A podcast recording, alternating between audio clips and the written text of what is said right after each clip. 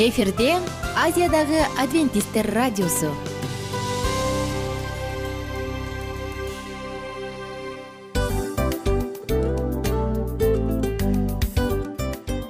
Достор салют. Баардык сүйүктүү угармандарыбызга салам айтабыз. Кутман күнүңүздөр менен. Ден соолук өмүрдүн булагы демекчи саламат саамы программасында баарыңыздарды көргөнүбүзгө абдан кубанычтабыз. Анда алгач амандашып өтөлү арбаңыздар деп. Ден соолугуңуздар кандай элибизде көбүнчө ден соолук кандай дегенде эле жакшы деп жооп беребиз э? ооруп турсак дагы жакшы дейбиз. Анан мен муну айтып ойлойт элем бул абдан сонун сөз депчи анткени бул жакшы деген үмүт да э ооба баары жакшы болот. Баары сонун. Деп үмүттөнүп атып эле өзүбүздү өзүбүз дарылап коебуз.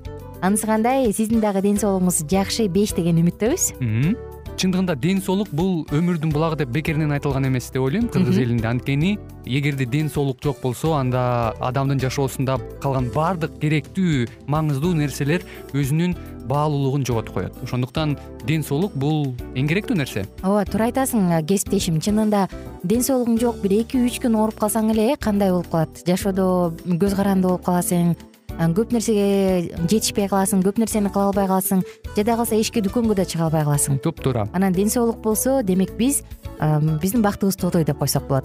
Анда достор саламат саамы рубрикабызды баштайлы. Алдыда өзүңүзгө керектүү болгон сонун кеңештерди уга аласыздар. Мына ошондуктан биз менен бирге болуңуздар. Ал эми биз болсо милан жана айнура. Кеттик алга. Алга саламат саама ден соолуктун жарчысы. Саламат саама ден соолуктун ачкычы. Күн сайын сиз үчүн мыкты кеңештер сонун жаңылыктар кызыктуу фактылар. Биздин рубрикада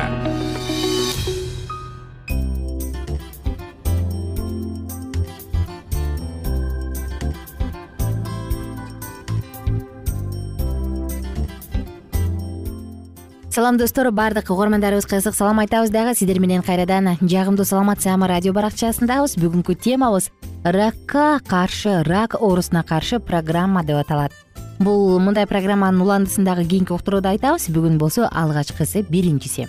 Рак оорусуна каршы программа. Достор чындыгында акыркы убакта ала турган болсок кыргызстанды гана ала турган болсок рак оорусу абдан көбөйдү э? Аял затынын арасында мамология же болбосо төш эмчеги жыныстык орган жана башка жактарда кездешүүчү рактар абдан көбөйдү жана ошондой эле баарыбызга белгилүү болгондой баардык жаатта рак оорусу абдан көбөйүп бара жатат эмне себептен? Мүмкүн бизде тамактануу туура эместир мүмкүн бизде стресс көп болуп жаткандыр. Бирок ким билет айтор? Айтор эмне гана болбосун ар бир адам өзүн бул оорудан алдын алы сактанып сактап коргой алат. Албетте буйругандан толугу менен качып кутула албайбыз бирок ошентсе дагы өзүбүздүн ден соолугубузга туура кам көрө турган болсок канчалык бир деңгээлде бизди кудай дагы ушул оорудан сактайт.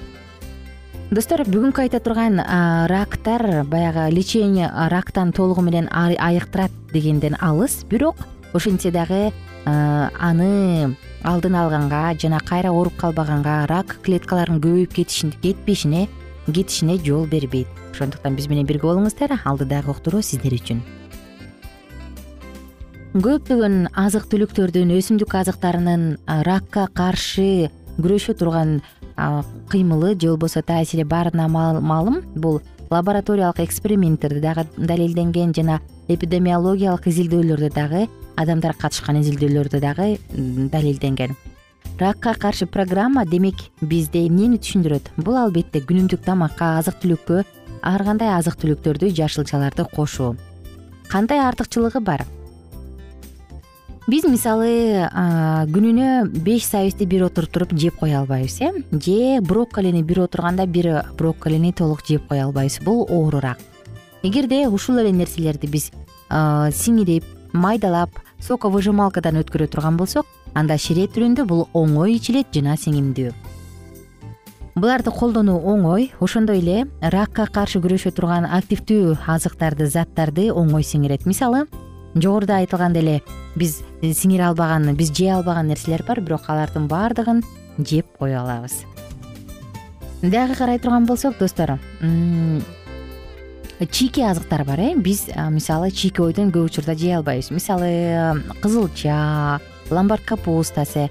Чийки ойдон дайыма жей албайбыз бирок аны эгерде шире кыла турган болсок анда оңой эле сиңимдүү болот дагы достор ошол рак оорусуна жоон ичегинин ракына каршы эмне керек дегенде биз биринчи эле кезекте сиздерге сунуштай турган эттерди колдонууну төмөндөтүүнү сунуштамакчыбыз. Өзгөчө кайра иштетилгендер. Бул ветчина буженина сосиска колбаса булардын баардыгы тең. Нитрозаминдерди камтыйт тагыраак айтканда күчтүү канцерогендер. Ошондуктан колдон келишинче буларды жебей эле койгон жакшы. Экинчиден алкоголдук ичимдиктерди жокко чыгаруу жакшы колдонбой эле койгон жакшы. Үчүнчүдөн өсүмдүк клетчаткаларын көбүрөөк жеген жакшы бүтүн дан азыктарынан жасалган нан жана башка азыктар. Ич катуудан качуу дагы маанилүү жана ошондой эле систематикалык түрдө дене көнүгүүлөрү менен алектенүү. Булардын баардыгы бизге абдан керек эми жалпы эле профилактика жөнүндө сөз кыла турган болсок ракты профилактикалоо үчүн сиздерге бир күндүк менюну сунуштайбыз. Таңкы тамак. Бүтүн жүзүмдүн ширеси. Бизге керектүү болгону гана жүзүм керек болду. Экинчиден брокколи кунжут пастасы тахини деп коет эмеспи. Ананас ширеси жана алмадан жасалган сонун сок булардын баардыгын иче турган болсок булардын баардыгы ушул ракка каршы мыкты күрөшүүчү азыктар болуп саналат.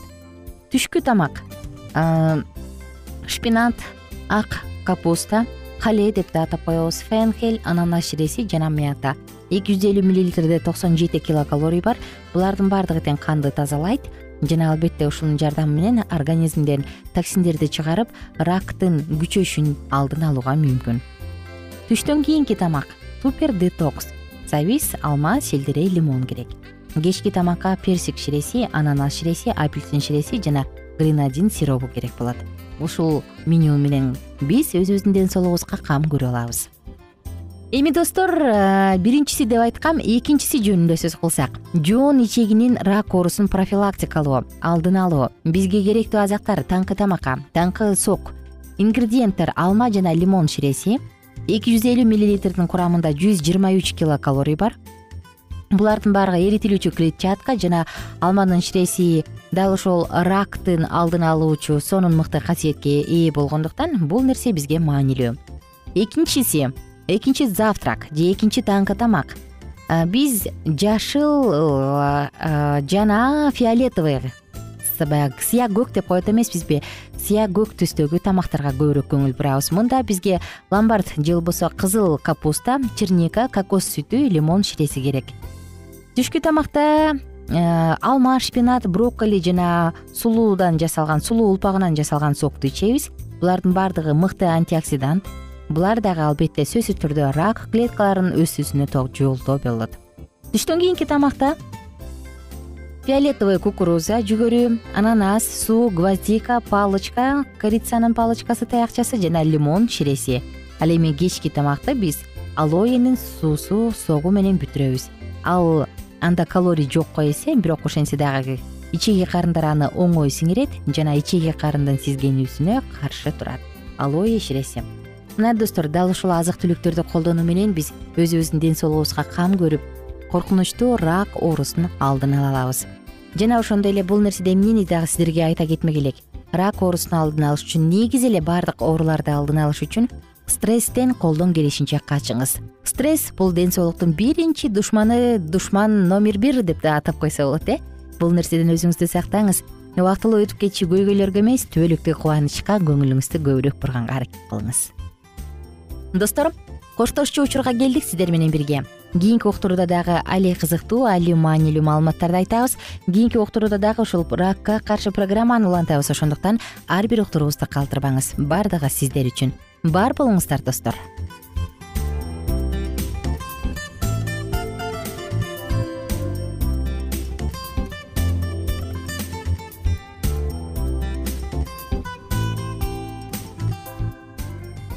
кененирээк маалыматтар үчүн үч w чекит саламат чекит клуб сайтына келип таанышыңыздар.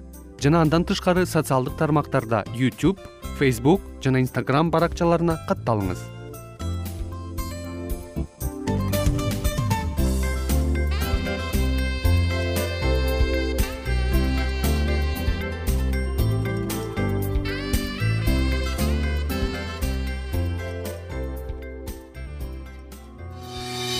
саламат саама ден соолуктун жарчысы. Саламат саама ден соолуктун ачкычы. Күн сайын сиз үчүн мыкты кеңештер сонун жаңылыктар кызыктуу фактылар биздин рубрикада.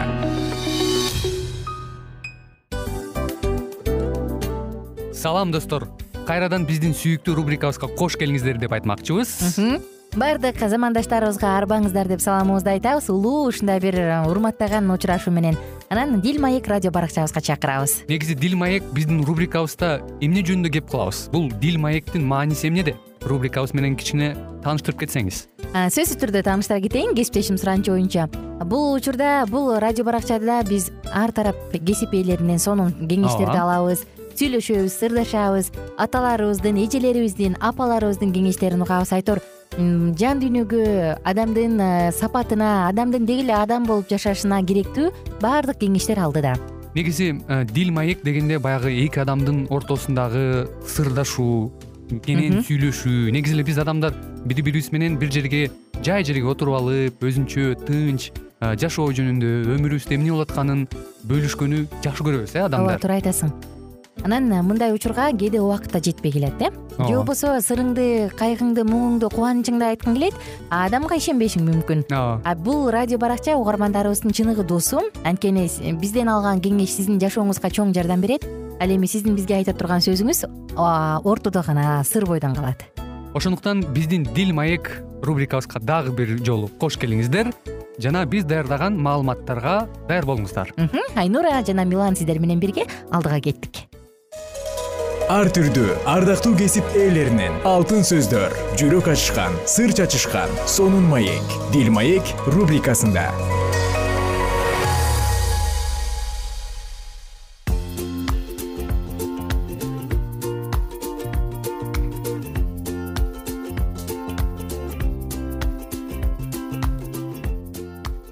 салам достор. Биздин сүйүктүү угармандарыбыздын баардыгына ысык салам айтабыз дагы. Сиздер менен кайрадан жагымдуу саатыбызды баштадык. Бул албетте дил маек радио баракчасы. Бүгүнкү уктуруубузда дагы руханий мурас деп аталган сонун китепти циклды андан ары улантабыз. Биз нундун уулу жашиянын тарыхы жана ошол учурда ысрайыл элинин ысрайыл урууларынын жер бөлүшүүсү тууралуу дагы сөз кылып жатканбыз.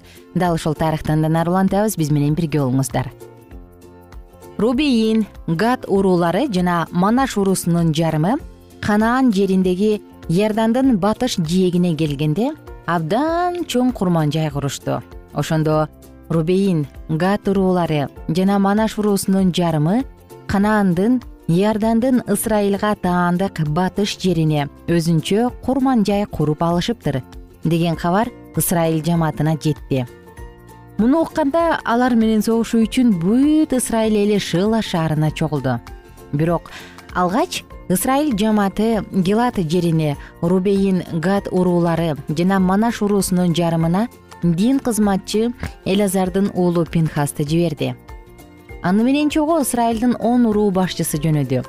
Алардын ар бири өз урууларынан миңден бир тандалган өкүл эле алар гилат жерине барып рубейин гад уруулары жана манаш уруусунун жарымынын элине мындай дешти. Жараткан эгенин бүт жамааты мындай деп жатат. Ысрайыл элинин кудайына эмнеге опаасыздык кылып жатасыңар? Эмне үчүн силер өзүңөргө дагы бир курман жай куруп жараткан эгенин тилине албай ага каршы баш көтөрүп жатасыңар? Эмне? Пеордо кылган күнөөбүз аздык кылып жатабы ошол күнөөнүн кесепетинен жараткан эгенин бүт жамаатынын башына апаат түшпөдү беле ошол күндөрүбүздөн биз дагы эле толук тазалана элекпизби силер болсо бүгүн кайрадан жараткан эгеден баш тартып жатасыңар. Силер бүгүн жараткан эгеге каршы баш көтөрсөңөр эртең эле ал бүт ысрайыл журтуна каарын төгөт эгерде энчиңерге тийген жерлерди адал эмес деп эсептесеңер анда баарыңар жараткан эгенин чатыры турган канаанга көчүп келгиле. Биз арабыздан силерге жер бөлүп беребиз. Бирок кудайыбыз жараткан эгенин курман жайынан башка курман жай куруп жараткан эгебизге да бизге да каршы баш көтөрбөгүлө. Зирактын урпагы ахан жараткан эгебизге кыянаттык кылып садага чабылган нерселерден уурдап алган ошонун кесепетинен бүт ысрайыл элинин башына апат түшпөдү беле кылган күнөөсү үчүн ал жалгыз эле өзү өлдү беле ошондо рубейин гад урууларынын жана манаш уруусунун жарымынын эли ысрайылдардын уруу башчыларына мындай деп жооп берди. Жараткан эгебиз кудайлардын кудайы. Жараткан эгебиз кудайлардын кудайы эмне үчүн мындай кылганыбызды ал билет. Ысрайыл да билип алсын. Эгерде опаасыздык кылып жараткан эгебизге каршы баш көтөрүп жаткан болсок анда бүгүн ал бизге ырайым кылбасын. Бул курман жайды жараткан эгебизден баш тартып анын үстүнө бүттөрттүм курмандыгын даан курмандыгын тынчтык курмандыгын чалалы деп өзүбүз үчүн курган жокпуз эгерде ушундай ниетте курман жай курган болсок анда жараткан эге өзү бизди жазаласын. Жок. Биз аны тынчыбыз кеткенден улам. Кийин силердин балдарыңар биздин балдарыбызга. Силер ысрайыл элинин кудайы жараткан эгеге таандык эмессиңер. Рубейин гат уруулары менен биздин ортобузга жараткан эге иорданды чек ара кылып белгилеген. Ошондуктан жараткан эгеге силердин эч кандай тиешиңер жок деп айтып силердин урпактарыңар биздин урпактарыбыздын жараткан эгеге ибадат кылуусуна тоскоолдук кылышы мүмкүн. Ошондуктан биз келгиле курман жай куралы дедик. Бирок ал бүт өрттөм курмандыгын да башка курмандыктарды да чалуу үчүн колдонулбайт деп макулдаштык. Бул курман жайды биз менен силердин бизден кийинки урпактарыбыздын ортосунда күбө болсун деп курдук. Биз да силер менен бир катарда эле жараткан эгенин чатырынын алдында ага ибадат кылып ошол жерде бүт өрттөм тынчтык жана башка курмандыктарды чалып кудайыбызга ибадат кыла алабыз. Силердин балдарыңар биздин балдарыбызга силер жараткан эгенин эли эмессиңер деп айта алышпайт. Эгерде биздин же келечек урпактарыбыздын ортосунда ошондой сөз чыга турган болсо анда балдарыбыз жараткан эгенин курман жайына окшош бул курмандык жайды карагыла.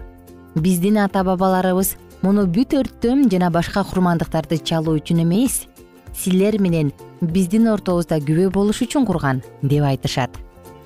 Кудайыбыз жараткан эгенин чатырынын алдында гана ага арнап бүт өрттөм курмандыгын даан курмандыгын жана башка курмандыктарды чалууга болот.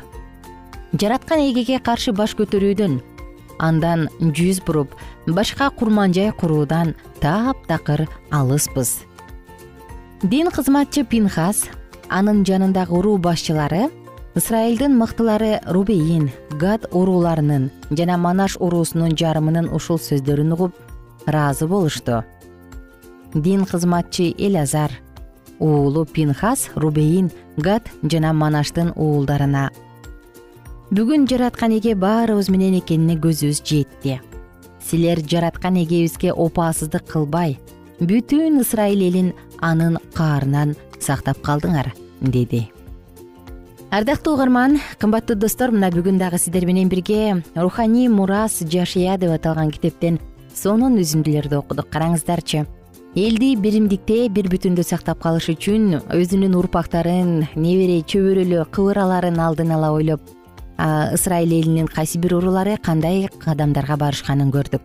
Бир гана кудай бар ал аалам жерди жараткан экени талашсыз ошол кудай ар бирибизди сактап жүрсүн.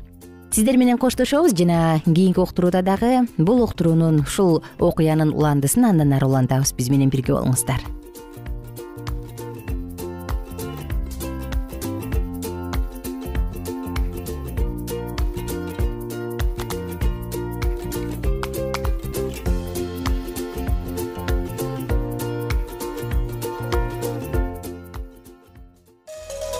ар түрдүү ардактуу кесип ээлеринен алтын сөздөр жүрөк ачышкан сыр чачышкан сонун маек дил маек рубрикасында.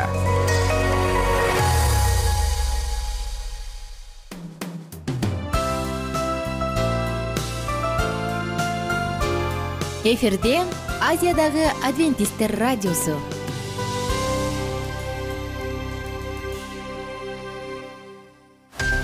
жан дүйнөңдү байыткан жүрөгүңдү азыктанткан жашооңо маңыз тартуулаган жан азык рубрикасы.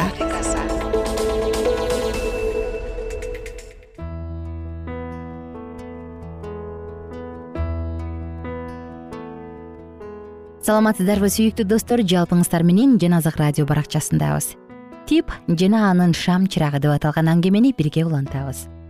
Мурунку уктурууда биз минтурн мырза типти үйүнө конокко чакыргандыгын айтып ошол жерден токтогонбуз. Эмесе окуяны андан ары улантабыз. Ал туура эле түшүндүбү минтурн мырза аны чын эле өзүнүн бакчасына конокко чакырып жатабы? Ал фонтанды суу бетине чачыраганчалык жакын барып көрө алабы? Ал кубанганынан секирип жибере жаздады бирок минтурн мырза. Кандай дейсиң? Келесиңби деп сураганда тип балким өмүрүндө биринчи жолу болуш керек. Кекечтенип мен мен билбейм менин кийип барганга кийимим жок деди. Ал дагы кийип турганыңчы бул эмне кийим эмес бекен бул кийим деле эмес да мырза деп жооп берди тип эми өзүнө келип кытмыр көздөрүн жымыңдата. Минтурн мырза кааткырып күлүп баланын кир кебетесин карап. Чын эле ошондой экен бирок үйүңдө суу бар да э туурабы ооба суу толтура. Анда ошол сууга бир чумкуп келе кал. Ошондо сен меникине жок дегенде бети башың таза келесиң. Көрөсүң го биздин үйдө сонун майрам болот. Ошентип шашып башып шашып бара жаткан минтурн мырза өз жолуна түштү. Бирок дагы бир жолу кылчайып мындай деп кыйкырды. Тааныш балдарыңдын баарын ээрчите кел. Бүгүн кайдан майрамдашын билбей жаткан балдар кыздардын баарын алып кел о деп ойлоду тип. Жыргал деп ушунайт минтурдун дачасындагы фейерверк болгондо да фонтандын жанында. Мен сөзсүз барам. Ал мага балдарды ээрчитип келсең болот деп айтпадыбы? Мен тиги боб тернерге барып келейин. Анын курткасы дагы меникиндей болуп жыртык экөөбүз окшош болобуз да. Ой жыргал тип кол чаап ачуу ышкырды да көчөнү жаңырта ура! деп кыйкырып жиберди ушул кечте минтурндун эң сонун паркы ал мурда көрүп жүрчү балдарга таптакыр окшобогон башка балдарга толуп калды. Бай менен кедейлер бир үй бүлөдөй болуп аралашып кетишти. Төркүн түстүү оттуу жылдыздар асманга учуп чыкканда балдардын кубанычтуу кыйкырыктары абаны жарып жиберди. Фейерверктен чыккан жарыктан фонтанды көрүшкөндө балдардын кубанычынын чеги жок эле. Бирок баардык нерсенин акыры болгондой эле бул кече да аягына чыкты фейерверктерден турган эң сонун гүлдесте майрамды салтанаттуу жыйынтыктап минтурн мырза конокторун подъезддин алдына чогултуп мындай деди. Балдар гольбрук мырзанын силерге айта турган бир нече сөзү бар экен. Азыр анын сөзүн угуп андан кийин баарыбыз чогуу бир ырырдап анан үйлөрүбүзгө тарайбыз гольбрук мырза жыйын жетекчиси болчу. Жана балдардын көбү аны таанычу ошондуктан баардыгы анын сөзүнө кунт кое кулак түрүп калышты бирок тип аларга кошулган жок. Ал ракетанын акыркы учкучтарына өкүнүчтүү көз жибере. Насаат сөзүн тим койсо эмне болмок деп күбөлөнүп койду. Балдар бул кеч силерге жактыбы деди гольбург мырза. Баары жапырт ооба деп жооп беришти. Жыйын жетекчиси жылмайып силерге баарынан эмне жакканын мен билем деп сөзүн улады да ал жаркыраган оттору жаган фейерверк жөнүндө айтып жатканын кыйыта бирок ал балдарга кубаныч тартуулган фейерверк тууралуу сөздөн башка сөзгө. Адамдар туура жолду тандап алыш үчүн берилген башка жарык жөнүндөгү сөзгө өтүп кетти. Болгону ушул гана сөз айтылды. Насаат сөз кыска жана жөнөкөй болгондуктан балдардын эң кенжеси дагы аны кайра кайталап бере алмак. Бирок бул кыска насаат сөздө көп маани камтылган эле. Чынын айтканда тип андан ары да уккусу келип турган эле перинин шахтерлор жөнүндөгү аңгемеси дагы ушул окуяга үндөшүп кетет окшойт. Тип ушул чырак тууралуу дагы көбүрөөк билгиси келди. Анткени пери эже ошол чырак аркылуу жакшы адам болууга болот деп айтпады беле. Ал чырак бир адамга түбөлүк өмүргө алып бара турган жалгыз тар жолду табууга жардам берген турбайбы ойго батып кеткен тип балдары ырдап жибергенде чочуп кетти биздин чырагыбыз дайыма бизге жарык бер бизге кубат берип адашуудан сактап жолубузга жарык чач. Ырырдап бүткөндөн кийин балдар үйлөрүнө тарашты тип терең ойго чөмүлүп алган. Бул чынында эле эң сонун кеч болду. Баарынан да акыркы ырчы. Ал ырда дагы жарык тууралуу айтылат экен. Гольбрук мырза балким бул ырды тип үчүн атайын тандап алгандыр? Жок андай болушу деле мүмкүн эмес ал типтин ойлоп жатканын эмнени ойлогонун кайдан билсин? Пери эжеге эмки жолукканда андан баардыгын жакшылап сурап албасам деп ойлонду тип. Бирок тилекке каршы олуттуу бир нерсе тууралуу бирөө менен сүйлөшөйүн дегенде кычагансып ал кишини таппай калат эмессиңби.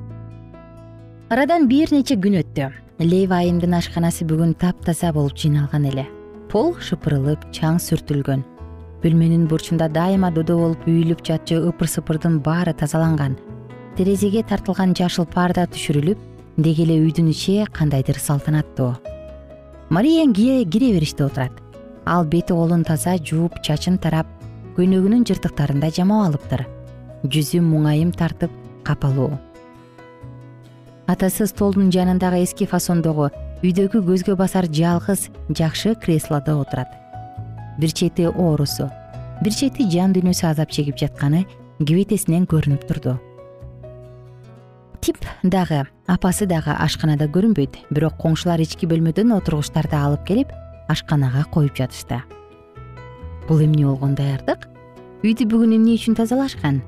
Эмнеге бүгүн баардыгынын кабагы суз анткени столдун үстүндөгү кичинекей табытта быйтыйган колдорун кайчылаштыра бооруна алып типтин кичинекей иниси жаткан эле. Кимдир бирөө анын колуна жаңы ачылып келе жаткан бир тал розаны салып коюптур ошондуктан көз жумган наристе уктап жаткан периштеге окшоп калыптыр. Бейчара бала ал ушул кыска өмүрүндө жакшылык деле көргөн жок. Аны эжеси деле эркелетчү эмес ага кенен убакыт бөлгөнгө апасынын мүмкүнчүлүгү жок болчу. Анткени ал бүлөсүн багышы керек эле. Ал тынчы жок ыйлаак бала болгондуктан анын оорусун деле эч ким байкабаптыр эми баары бүттү эми ал ыйлап эч кимдин тынычын албайт. Теңир аны өзүнө алып кетти. Достор уктуруубузду кийинкиде улантабыз. Биз менен бирге болуңуздар.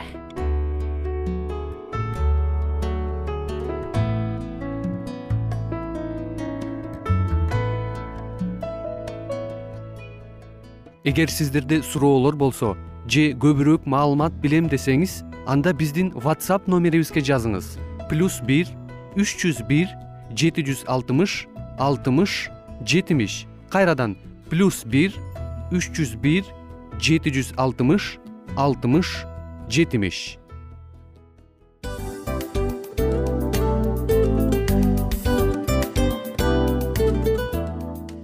Мына ушинтип убакыт дагы тез өтүп кетет экен. Биз дагы радио уктуруубуздун аягына келип жеттик келип кубандырдыңар эми кетип кубандыргыла деп тамашалап калышат эмеспи? Анысы кандай? Радио баракчабызды программабызды азыр эле баштап аткандай болдук элек мына соңуна келдик э? Негизи убакыт э, билинбей өтүп кетет экен?